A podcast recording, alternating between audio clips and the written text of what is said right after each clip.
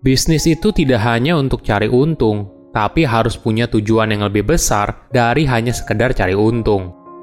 Halo semuanya, nama saya Michael. Selamat datang di channel saya, Sikutu Buku.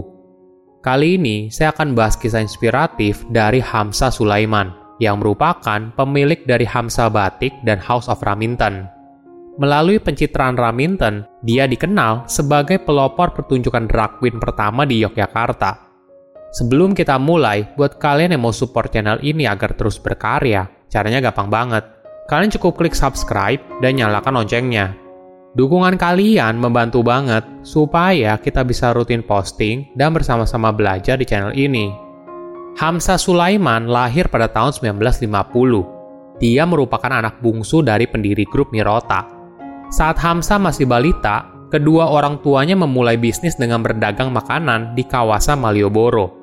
Toko rotinya pada saat itu diberi nama minuman dan roti tawar. Kehidupan mereka boleh dibilang tergolong baik dan berkecukupan. Orang tuanya berhasil menyekolahkan anak-anaknya hingga ke bangku kuliah, walaupun tidak semua menyelesaikan pendidikan. Hamsa sendiri tidak menyelesaikan pendidikannya di Universitas Gajah Mada. Saat Hamsa berusia 25 tahun, ayahnya meninggal dunia Kejadian ini buat Hamsa mau tidak mau harus melanjutkan usaha orang tuanya, yaitu toko kelontong yang ada di Malioboro. Dia dan kakaknya yang lain bahu-membahu membangun toko kelontong itu hingga besar seperti sekarang. Walaupun awalnya hanya toko kelontong biasa, Hamsa punya kecintaan yang besar pada batik. Kecintaan ini membuat dirinya tergerak untuk melestarikan batik melalui pendirian Mirota Batik pada tahun 1979. Kebetulan, Hamsa juga bisa mendesain batik, semua ini dipelajarinya secara otodidak. Nama Mirota sendiri berasal dari singkatan toko kelontong keluarganya, yaitu minuman dan roti tawar. Di awal bisnis, Mirota Batik hanya berada di ruang kecil dan berdiri sejajar dengan toko lainnya di Jalan Malioboro. Tokonya juga tidak langsung ramai pengunjung. Maklum saja, waktu itu Jalan Malioboro tidak seramai sekarang.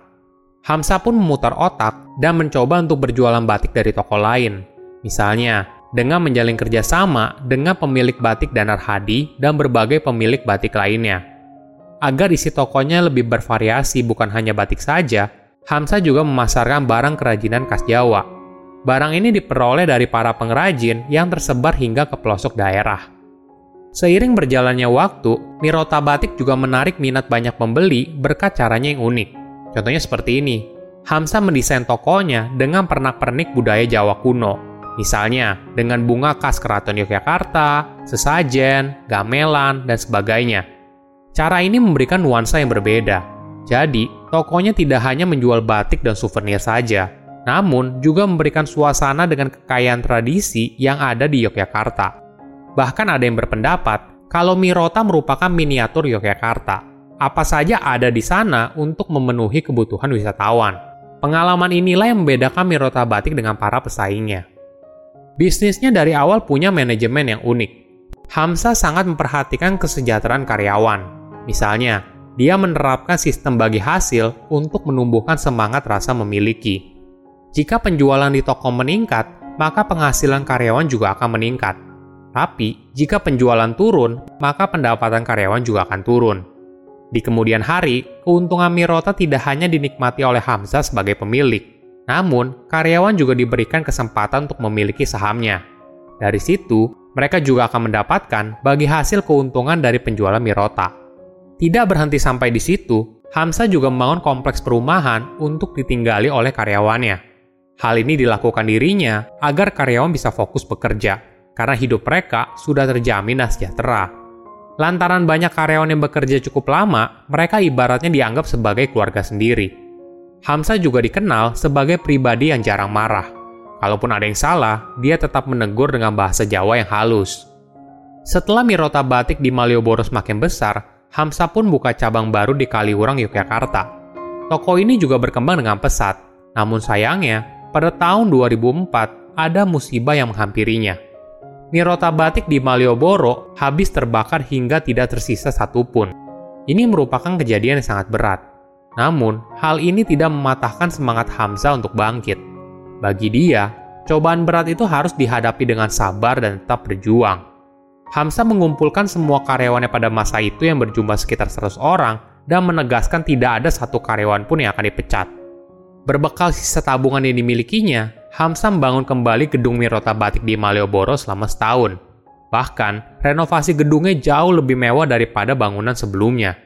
Kini, tampilan Mirota Batik lebih menyerupai sebuah pusat perbelanjaan sehingga para wisatawan bisa berbelanja dengan nyaman. Di kemudian hari, Mirota Batik berganti nama menjadi Hamsa Batik agar namanya terus abadi. Selain sebagai pebisnis yang ulung, Hamsa memiliki passion yang tinggi dalam dunia seni. Perkenalannya dengan dunia seni sudah dimulai sejak lama. Sedari kecil, Hamsa memang sudah tertarik dengan dunia tari. Dia mulai berkecimpung di dunia tari sejak usianya 6 tahun. Selain itu, Hamsa kecil suka mendengar cerita wayang yang ada di radio. Dia juga pernah berkarir sebagai pemain ketoprak dan wayang orang. Setelah lama menekuninya, Hamsa meminta sutradara untuk memerankan tokoh yang lebih menantang, yaitu tokoh seorang perempuan. Dari situ, lalu muncul sosok Raminten, seorang perempuan Jawa berbusana tradisional kebaya dan juga sanggul. Raminten juga dikenal sebagai sosok jenaka yang pandai nembang dan menari. Karakter ini ternyata disukai banyak orang, Bahkan, Hamsa mulai menggunakan tokoh tersebut dalam berbagai pertunjukan. Hingga akhirnya berhasil masuk ke dalam sebuah acara televisi yang ditayangkan oleh Jogja TV dengan judul Pengkolan. Berkat kepopuleran Raminten, Hamsa pun memutuskan nama Raminten menjadi salah satu merek usahanya, dimulai dari pendirian The House of Raminten pada tahun 2008. Banyak yang bilang kalau belum ke Yogyakarta namanya apabila tidak mampir ke House of Raminten. Sesuai dengan namanya, House of Raminten adalah sebuah tempat makan sekaligus rumah tempat Hamsa tinggal. Konsep awal dari House of Raminten sebenarnya adalah warung jamu. Ternyata, jamu buatan Hamsa diminati banyak orang. Hal ini lalu membuat dirinya buka kafe dengan nuansa tradisional sekaligus mengangkat konsep angkringan khas Yogyakarta. Selain menjual menu khas angkringan seperti nasi kucing, House of Raminten juga menyediakan menu lain dengan nama yang unik dan penyajian yang nyeleneh. Contohnya, seperti minuman yang diberi nama susu perawan tancap yang merupakan susu yang dicampur dengan rempah-rempah dan disajikan dalam wadah yang unik. Menariknya, Hamsa tidak berminat untuk membuka konsep rumah makan serupa di luar Yogyakarta, meskipun banyak permintaan. Dia hanya ingin buka rumah makan serupa di Yogyakarta sebagai bentuk promosi dan menarik wisatawan untuk datang ke Yogyakarta. Sosok Raminten sekarang tidak hanya dikenal sebagai usaha tempat makan, namun berkembang ke berbagai usaha yang lain, misalnya Raminten Fotografi, Raminten Kabaret Show, Bakpia Raminten, dan sebagainya. Kini, Hamsa sudah tidak lagi fokus mengembangkan kerajaan bisnis dan lebih memilih untuk menikmati masa tuanya. Saat ini, kerajaan bisnisnya sudah dijalankan oleh anak angkat dan karyawan kepercayaannya. Bisnis bukan hanya bertujuan untuk memperkaya diri sendiri, tapi juga bisa memberikan manfaat bagi banyak orang bisa melalui lapangan pekerjaan, pelestarian budaya, atau memberikan senyuman di wajah setiap orang.